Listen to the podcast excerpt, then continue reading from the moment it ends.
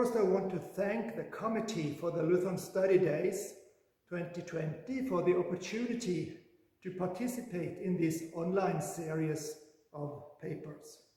It's an honor to appear in a list of presenters together with so many great names. And I hope and believe the theme I have been given can be of help for some of the listeners. The name of this paper is taken from Psalm 74. The reason why I was asked to present on this theme, I assume, is because of the dissertation I wrote at Concordia Seminary under the supervision of Dr. Paul Raabe, called When God Becomes My Enemy, the Theology of the Complaint Psalms. The book was later published by Concordia Academic Press.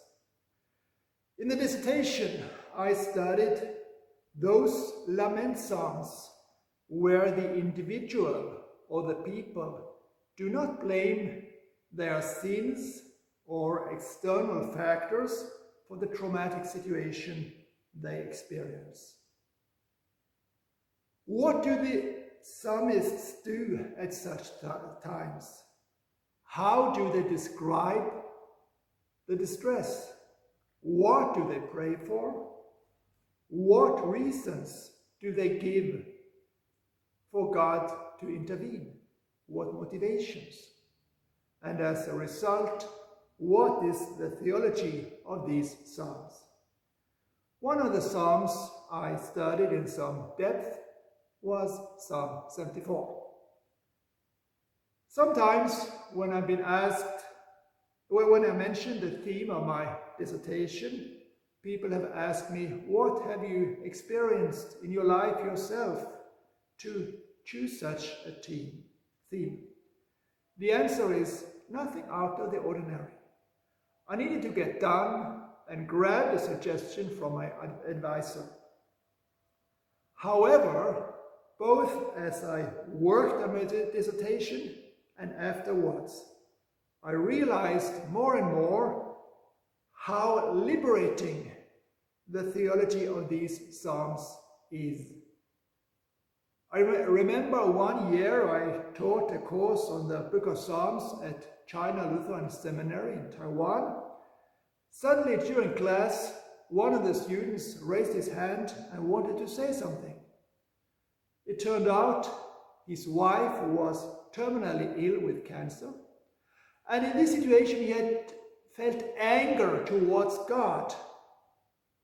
But when he had confessed this to a friend, he was told, You cannot think like that, let alone talk like that. Now he realized that the canonical Psalms of the Old Testament contain precisely the sentiments that he himself felt, and that these Psalms give word to a very upfront and honest dialogue with God. Let us begin by reading the te text of, of Psalm 74. I read it in my own translation from the dissertation. You can follow in your own Bible maskil by Asaph. Why, O God, have you rejected forever? Why does your anger fume against the flock of your pasturage? Remember your congregation, which you acquired in ancient time, which you redeemed as the tribe of your inheritance, Mount Zion, in which you dwelt. Lift your footsteps to the utter ruins, to everything which the foe has destroyed in the sanctuary. Your enemies roared within your meeting place. They set up their own signs as signs. He was known as one who brought up axes in the thicket of trees. So now her engravings all at once, with axe and clubs, they were beating to pieces. They set your sanctuary on fire. To the ground they profaned the dwelling places of your name. They said in their hearts, Let us oppress them all.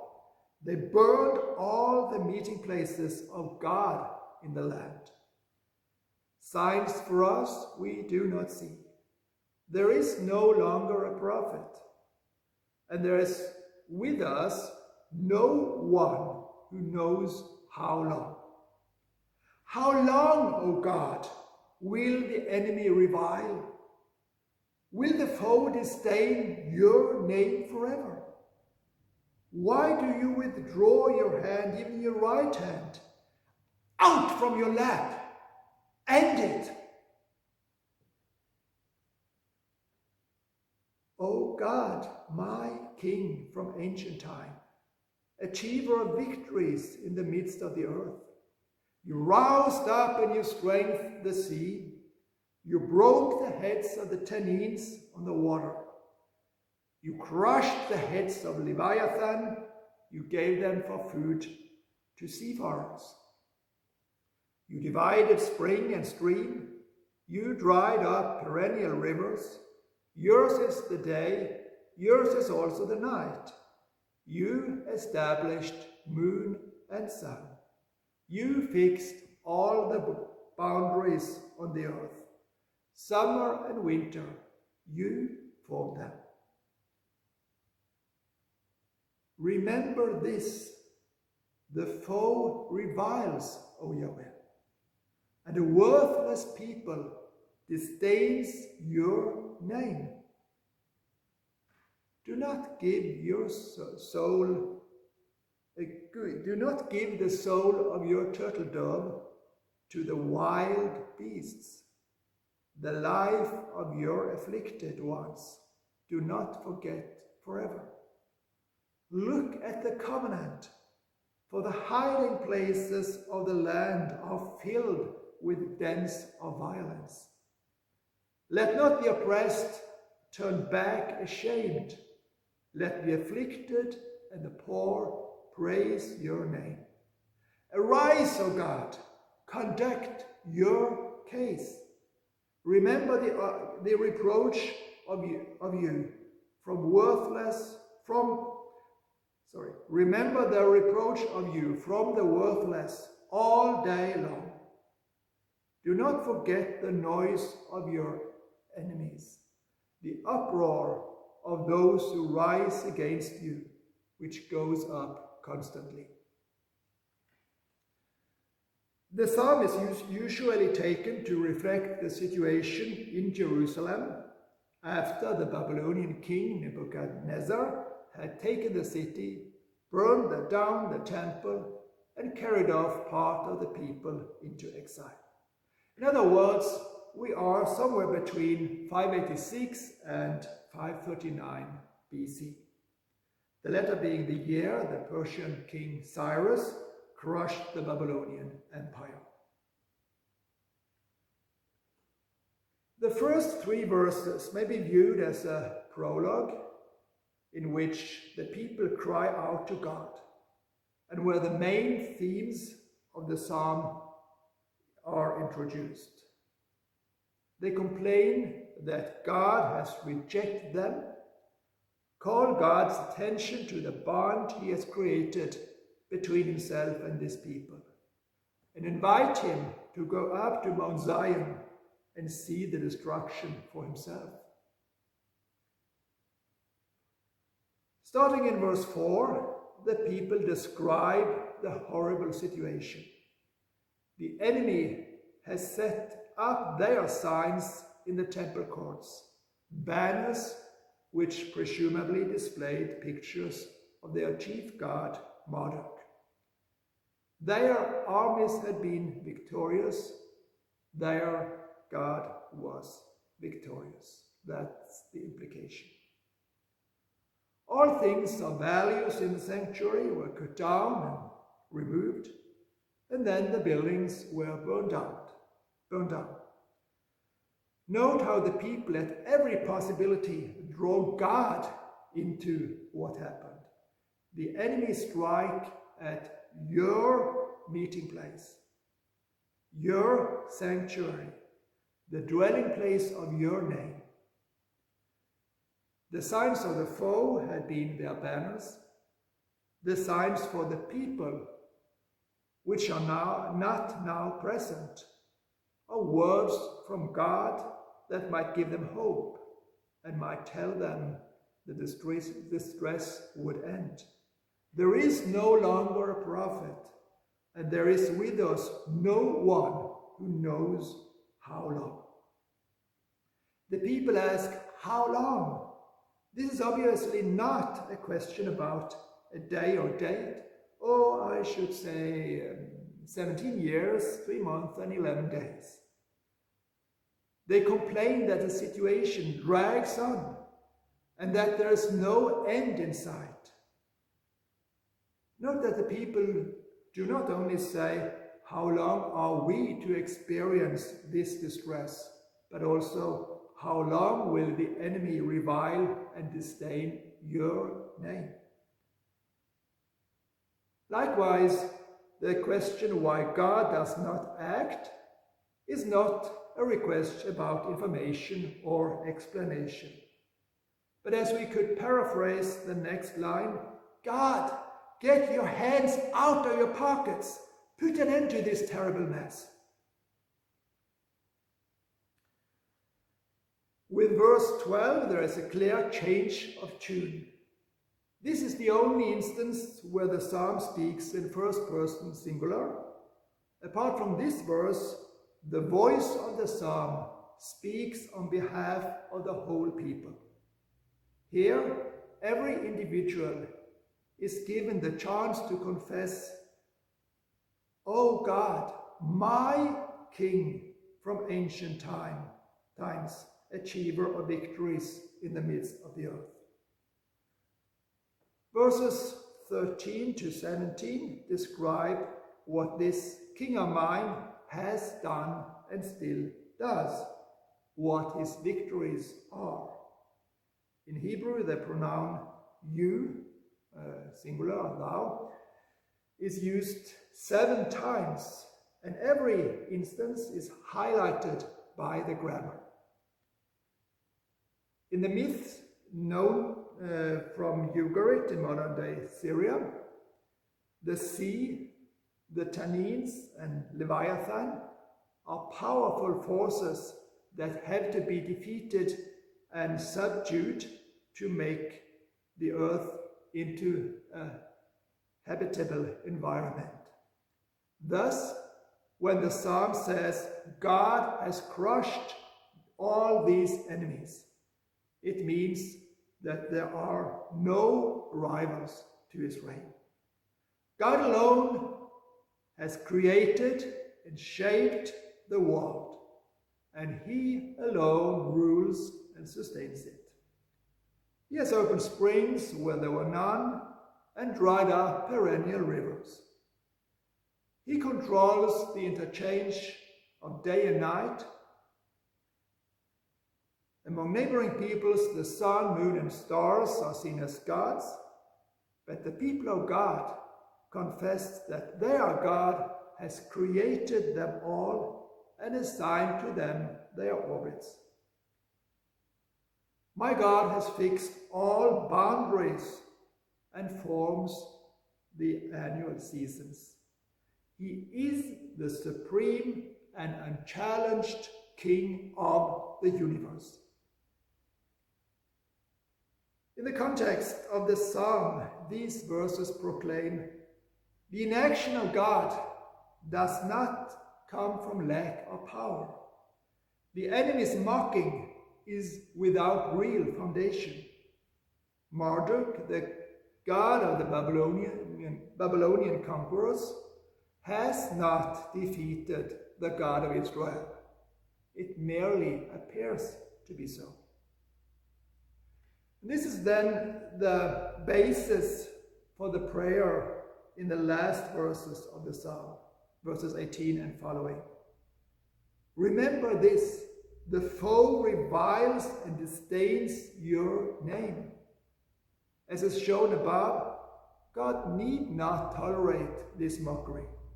And if care for his own name and his own reputation is not motivation enough, does God really want his turtle dove? Isn't that a beautiful image? Does he really want his little turtle dove to be torn up and eaten by wild beasts? At stake is God's name. At stake is the survival of his people. The prophets often call the people to turn back to the covenant. Here, the people beg God to pay attention to the covenant he has made with his people, to think of how he has tied himself to them. They describe themselves as poor and afflicted, as people who cannot save themselves, and they pray that God will turn the situation around in such a way that they once more can praise Him for His salvation. In the end, the cause of the people is God's own cause. Arise, O God, conduct your case. Remember the reproach of you from the worthless all day long. This people is the congregation which God acquired in ancient time, which he redeemed as the tribe of his inheritance. In quite a few of the, the lament psalms, there is at one point a sharp turn from lament to praise. The psalms end with praise to God for his intervention. For instance, Psalm 6 and Psalm 13. That is not the case here. The uproar of the enemies is still making noise as the psalm ends. And God's little turtle dove is as helpless as when it started. The mighty hand of God is still resting in his lap. So why is a psalm like that even in the Bible? Shouldn't we at least ex expect a promise that God will intervene? The psalm is true to life. Quick fixes are not always to be found. Lament does not necessarily turn to praise in a moment. The psalm shows the way of faith. Faith which remains before God even when everything seems to indicate that he has turned away from you, that he does not care.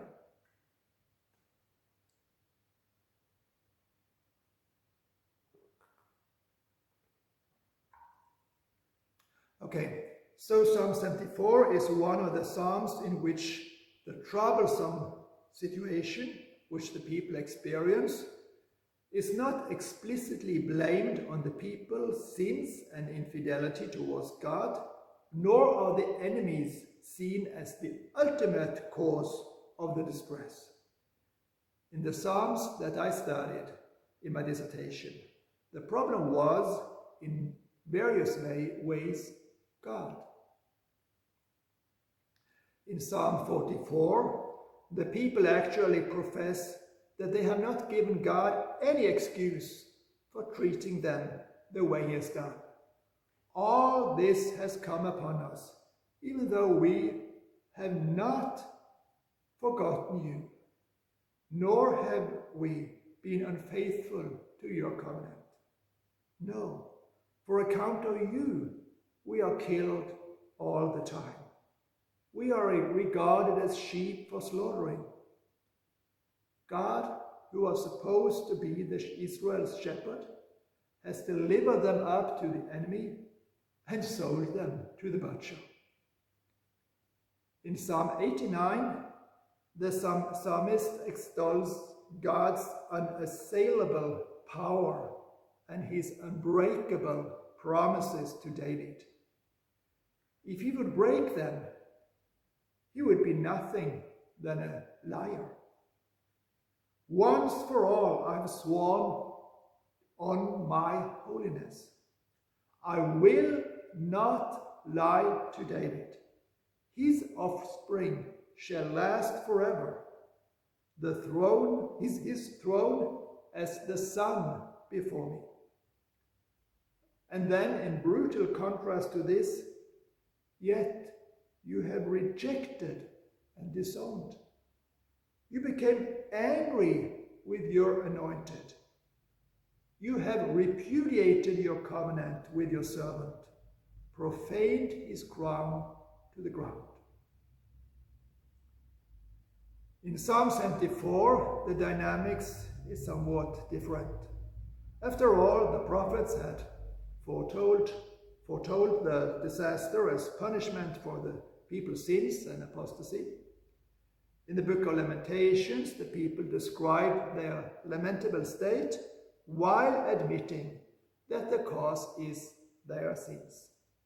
So obviously, Psalm 74 cannot claim that this happened despite the people's loyalty and good behavior.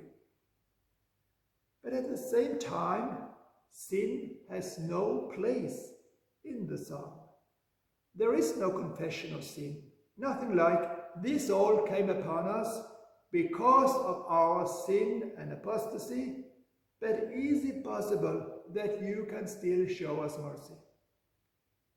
The problem, as advanced in this psalm, is neither the people's sins nor the enemy, rather it is that God does not act.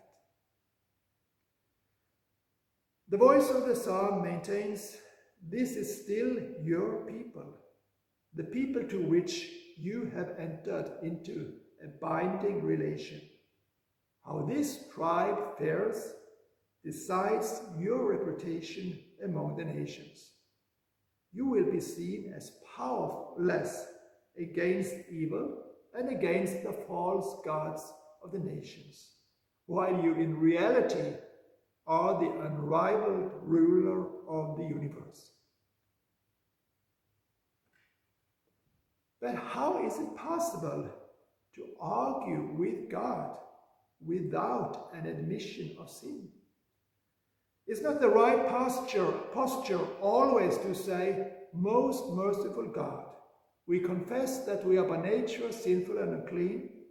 We are sinning against you in thought, word, and deed, by what we have done and by what we have left undone. We justly deserve your present and eternal punishment. But in spite of all this, is it possible that you can still forgive our sins and be merciful towards us for the sake of Jesus Christ. Can you get any further than this? God never thought that he had chosen a perfect people. If so, the laws and regulations about sacrifices and purifications would have been meaningless. no, these institutions were there precisely to cleanse a sinful and unclean nation from their sins and impurity, so as to make it possible for God to dwell among them, and so that they could be his people. Also, both Moses and the prophets had proclaimed that the destruction of the temple and the exile would not be the end of God's journey with his people. He would still be their God. When they, in the midst of exile and suffering, repented, he would listen to their prayers, relent, and forgive. In this psalm, the Old Testament believers take God on His word. Remind God of the relation He has created with His people, pointing out how the present situation provides the enemy of the people and of God with a pretext for mocking God's people and reviling God's name. How long, long will, how long will this last? When will you act? When will you show yourself to be the God we believe, teach, and confess that you are? It is the same for us today. You are baptized into the name of the Father and the Son and the Holy Spirit on Christ's command. Of course, you may turn away from God after baptism and will then have to face the consequences. Should you make peace with your sins, the Word of God clearly states that you will die. However, God's Word also says, if we claim to be without sin, we deceive ourselves and the truth is not in us. If we confess our sins, he is faithful and just and will forgive us our sins and purify us from all unrighteousness. If anybody sins, if anybody does sin, if the devil, the world, and our own sinful nature entrap us, we have one who speaks to the Father in our defense Jesus Christ, the righteous one. He is the atoning sacrifice for our sins. And not only for ours, but for also for the sins of the whole world. According to God's own word and according to God's self-revelation in Christ, you are a child of God and heir to eternal life. And when you put your case before God, you do that as a child of God because of Jesus Christ. You are not a baker approaching a rich man without any kinds of uh, kind of rights. You are a child with your father.